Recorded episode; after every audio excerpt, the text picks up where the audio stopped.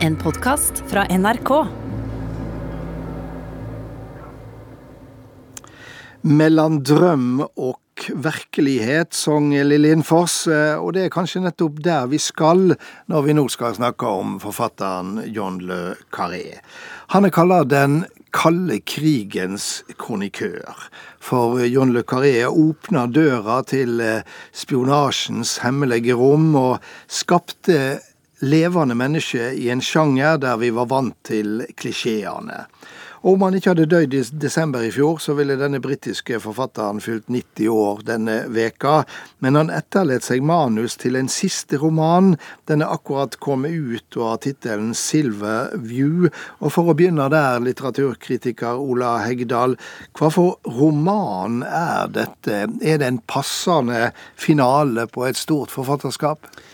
Ja, det er vel så, så passende som, man, som, det kunne bli, hadde jeg nær sagt.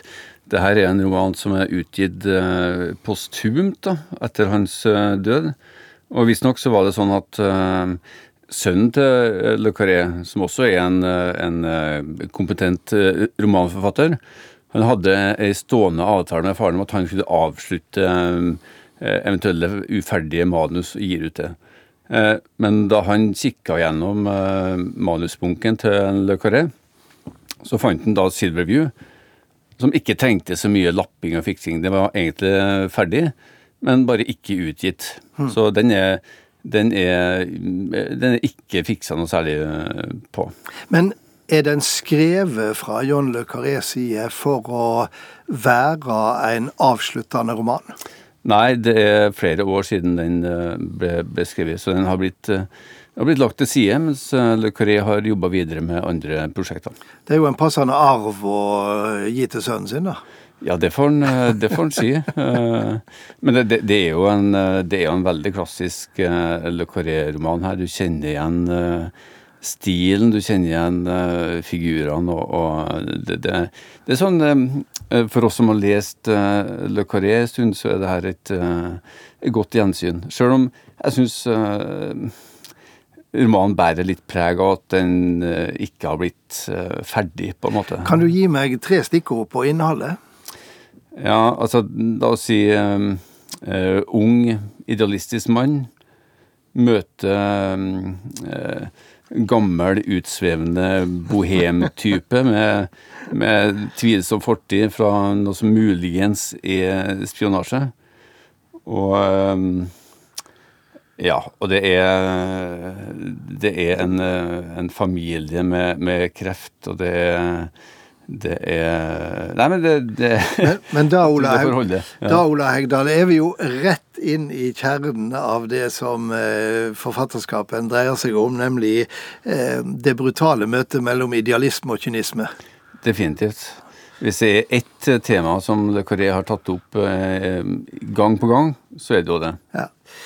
Vi må snakke om forfatteren eh, John Le Carré, eller David John Moore Cornwell, som han egentlig heter. For da han eh, fikk sitt store internasjonale gjennombrudd eh, i 1963 med romanen 'Spion som kom inn fra kulden', så var han jo sjøl i tjeneste for britisk etterretning. Det var jo derfor han valgte pseudonymet John Le Carré. Ja, han, han jobba jo for uh, MI5 og MI6 uh, på 50- og 60-tallet. Så han uh, eh, skaffa seg jo uh, ganske inngående kjennskap til denne verden. Og um, det som skjedde, var vel det at uh, Ian Flemming og James Bond var jo store på denne tida. Og Le Carré, eller David Cornwell, merka jo det at virkeligheten i etterretninga var ikke helt sånn som det ble fremstilt i, i James Bond-filmene. Nei. Han introduserte oss jo for sin helt, eh, nemlig George Smiley. Ja. Og det er jo en antihelt så langt fra James Bond det er mulig å komme. Ja, og det er jo helt eh, bevisst åpenbart. Han er virkelig antitesen til, til Sean Connery og Roger Moore, det, det er helt sikkert. Eh, men han er mye mer realistisk og troverdig som agent. For det er klart, James Bond han hadde jo aldri kunnet vært en hemmelig agent. Han er jo midtpunktet, samme hvor han kommer. og, og det vil, At det flokker seg damer og, og, og penger og han, han, kan ikke være usynlig. Men George eh, Smiley Han, han kan gå i ett med, med veggen om det, trek, om det, trengs, men han er uhyre tålmodig og, og intelligent, og det er jo det som er egenskapene som trengs. Han er rett og slett et grått menneske i spionasjens traurige skuggelandskap. Ja. Graham Greene kaller boka den beste spionromanen jeg noensinne har lest, og Greene visste jo hva han snakka om. Definitivt.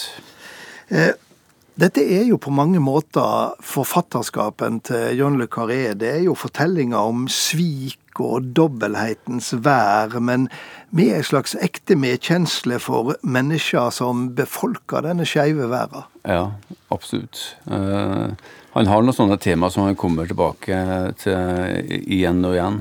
Og det, det er jo ikke tvil om at uh, det har blitt avslørt etter hvert at uh, David Cornwell var nok prega av oppveksten og den usikkerheten som, som fulgte med den. Og det er vel noe av det han har brukt Han har skrevet om igjen og igjen da, i, i forfatterskapet.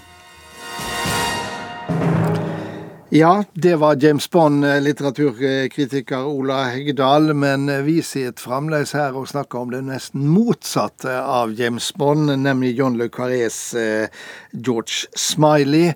Carré, som eh, ville vært 90 år denne veka, men som også gir ut sin siste bok snart et år etter at han eh, døde. Vi var inne på at dette fortellinga om eh, svik og dobbelthetens vær, det vesle mennesket som blir malt sunn av krefter utenfor dens egen styrke og, og kontroll. Og David Cornwell, som var Carés eh, egentlige navn, visste vel mye om dobbelthet og svik. Han, han vokste opp med en far som var sjarmerende storsvindler på konstant flukt fra arge kreditorer og trugende fengselsstraffer. Mm. Ja, jeg har jo lest uh, den biografien som er skrevet om uh, Le Carré, og det er jo typisk uh, for den at i store deler av uh, biografien, så til og med der kupper faren overtar plassen for, for den berømte for, forfattersønnen. Ronny Cornwell er altså en sånn type som du ikke kunne ha ikke kunne ha dikta opp. Han er, han er flamboyant, han er, han er eksentrisk, han er spinnvill. Han er fullstendig upålitelig og ekstremt sjarmerende. Han er, det, er virkelig en, en, Forfatterens far i det tilfellet her er, er mer usannsynlig enn noen romanfigur. Og, og da, da, sønnen ble berømt for fatter, så eh, gav jo eh, faren seg ut for å være hans agent, tok inn på eh, det beste hotellet i Berlin. Og det var vel sånn at Davin David Cornwell, altså John Le Carré, måtte sette inn annonse der han advarte mot at han ikke sto inne for farens eh, regninger. Ja, det, det, er helt, det helt hinsides. Så han, han, har jo denne egenskapen som den typen mennesker har, at de, de, klarer å lyge så overbevisende at, eh, at de tror på det sjøl. Og eh, Le Carré har vel sagt om faren at uh, han kunne legge den ene hånda på skuldra di og stikke den andre ned i lomma di for å ta lommeboka di. Og begge gester var like oppriktige. Mm. Så det er den typen dobbelthet som er det, men det, det, er garantert at det har prega Le Carré og gitt den en slags type eh, usikkerhet, grunnleggende usikkerhet. Men òg kanskje en uh, han, han, har jo fått mye uh, kunnskap om løgn og bedrag og dobbeltspill. Det er jo litt av en barndom, og var sikkert ikke enkelt å være på flukt og operere med ulike identiteter, men det gav han, som du sier, kanskje bakgrunnen for både spionyrket og senere forfatteryrket. Men til tross for dette så snakker jo den godt voksne John Le Carré varmt på sitt vis om en far, eh, som han sa, som når han smilte, ja, så smilte hele rommet. Ja, det, det, var akkurat det da at uh, han var en svindler og en bedrager. Men han hadde denne fantastiske sjarmen som bare gjorde at folk uh, tilga han. Og til og med altså, gutta i gjengen rundt, rundt faren Det var flere tilfeller der de heller gikk i fengsel og tok på seg ansvaret for det faren hadde gjort, enn å se den, den, den kjære nestoren i gruppa ta straffa. Vi eh, har snakka om eh, John Le Carré som forfatter med spionasjens skuggevær under den kalde krigen som tema. Men så gikk John Le Carré lei av å skrive om den kalde krigen, på samme tid som den kalde krigen gikk lei av seg sjøl, som han formulerte det i et intervju. Og så kom drivende gode bøker om illegal våpenhandel, farmasiindustriens mørke side og andre sider av ei vær i sterk endring, ja, nesten opp oppløsning? Ja, det, mange trodde jo at eh, det var kroken på døra for uh, Le Carré, som, uh, at forfatterskapet hans var avhengig av den kalde krigen. Men uh, det viste seg jo at, at de tok feil. Og Le Carré har klart å oppdatere det her og, og skrive videre om ja, mange slags typer konflikter rundt omkring i verden.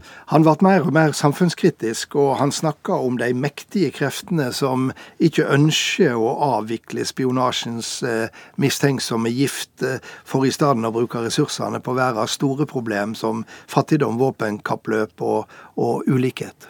Ja, han, han, kunne være ganske tydelig i sine politiske uttalelser på utsida av bøkene, og innimellom også innafor innenfor eh, bokpermene. Så det, det, vel, det, kan vel diskuteres eh, eh hvor effektivt eh, en roman er som et eh, slags politisk eh, verktøy, egentlig. Altså Personlig syns jeg at Le Carré er best når han beholder tvilen og ambivalensen og dobbeltheten, og ikke blir altfor uh, prekete. Men det er vel en smakssak, tenker jeg. For han var jo en stor refser av både brexit og vestlig sjølgodhet og politikkens kynisme. Ja, eh, i de siste åra så har han jo gått eh, hardt ut mot det uheldige trekløver Trump, Putin og, og brexit, som som han eh, har rast mot både i, eh, i, ja, i romaner og, og utafor. Jeg sier som George Smiley, spionasje har foregått til alle tider, selv om myndighetene kunne greid seg uten, vil de ikke det, de elsker den, sa John Le Carré. Det er et interessant og noe mismodig utsegn fra spionromanens store meister. Ja. For det er kanskje sånn det er? Nei, det, det, det, skal jeg ikke si, men sannsynligvis. Det er vel et slags sånn spill som opprettholder seg, sjøl, da. Det kan tenkes, ja. Bøkene hans ble filmatisert, de ble TV-serier, det er svære opplag i, i, i, enormt mange eh, land. Det er en av de virkelig store vi snakker om. Mm, absolutt. Eh, jeg vet ikke helt eh, Det er vel ikke mange thrillerforfattere som kunne ha vært aktuelle for la oss si nobelprisen eller sånt. Men eh, etter min mening så syns jeg Le Carré han trenger kanskje ikke å få prisen, han, han kan godt stå på lista. ja. Nå når vi nærmer oss slutten, så håper jeg både du, Ola Hegdal, og lytterne tilgir et lite personlig innsmett knytt til eh, John Le Carré. For, for mange år siden så intervjuet jeg han i heimen hans i Cornwall, og der fantes det absolutt ingenting som minner om at han var en verdensberømt forfatter, med ett eneste lite unntak en liten innramma billedserie av han sjøl spaserende sammen med Alec Guinness, skuespilleren som så fantastisk tolka Joe Smiley. Til gjengjeld så hang denne billedserien på do i huset hans, og for meg ble det talende for hans forhold til sin egen verdensberømmelse. For den kunne det verke, som han tok lett på, Ola Hegdal. Det var skrivinga og utforskinga han levde for. Ja, det var sikkert grunnen til at han eh, klarte å holde det gående så lenge som forfatter. At han ikke lot seg mm, forføre av sin egen berømmelse. Helt til slutt, John Le Carré etterlot seg sterke tidsbilder som speiler den internasjonale stemninga, spesielt under den kalde krigen. Verden har jo endra seg, men tror du bøkene hans vil bli stående også som, eh, for framtida, som en slags bauta over noe som en gang var? Ja, det, det, tror jeg faktisk. Eh, men sånt er jo vanskelig å si, da. Men, eh, men jeg tenker på den eh, George Smiley-Carla-trilogien. Den tror jeg kanskje kommer til å bli stående. Altså fordi, ja, det er tidsbildet på den kalde krigen. Men det er også noe mer. Det er noe menneskelig, noe nesten eksistensielt der som, som folk vil kunne lese i framtida, tror jeg. Små mennesker malt i stykker av krefter sterkere enn deg sjøl. Mm. Tusen takk til deg, Ola Hegdal, for at du kom til en samtale om den kalde krigens suverene kronikør, David Cornwell, eller altså bedre kjent som Don Løkari. Ukas Stang inn, stang ut. Alliansen for folk som trenger hjelp til strømregningen kaller SV-nestleder Kjersti Bergstø samarbeidet med Høyre om auka bostøtte og sosialhjelp til mennesker som sliter, altså med strømrekningene. Et framlegg som i går fikk støtte fra et samla storting, også de to regjeringspartiene. Saka er mer enn god nok, men den er også ei markering av at det er ei mindretallsregjering Jonas Gahr Støre leier.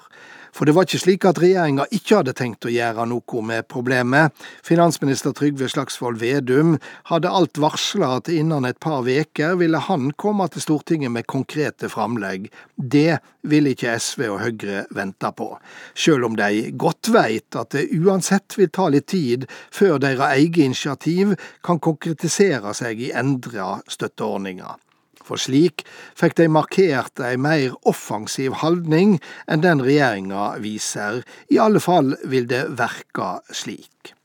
Dette ferske intermessoet i vårt eh, parlamentariske liv er interessant også utover støtteordningene det gjelder. For det viser at i det nye Stortinget er det både fantasi og vilje til å inngå uvanlige allianser når høvet byr seg men den viser også ei regjering som ikke fant det naudsynt å ri prinsipp når den var samd i sjølve saka, sjøl om den meinte SV-Høyre-initiativet var heilt unødvendig siden regjeringa alt var på ballen. Men slik er det å være i mindretall. Og på samme vis opplevde også Erna Solbergs regjeringer å få uvanlige allianser mot seg i Stortinget. Det som blir spennende å følge de nærmeste månedene, og kanskje år, er om regjeringa makter samle flertall bak hovedlinjene i politikken sin. For det er naudsynt for at ei regjering skal ha et samla grep på statsstyringa. Fra tidligere tider kjenner vi ordet stortingsregjereri.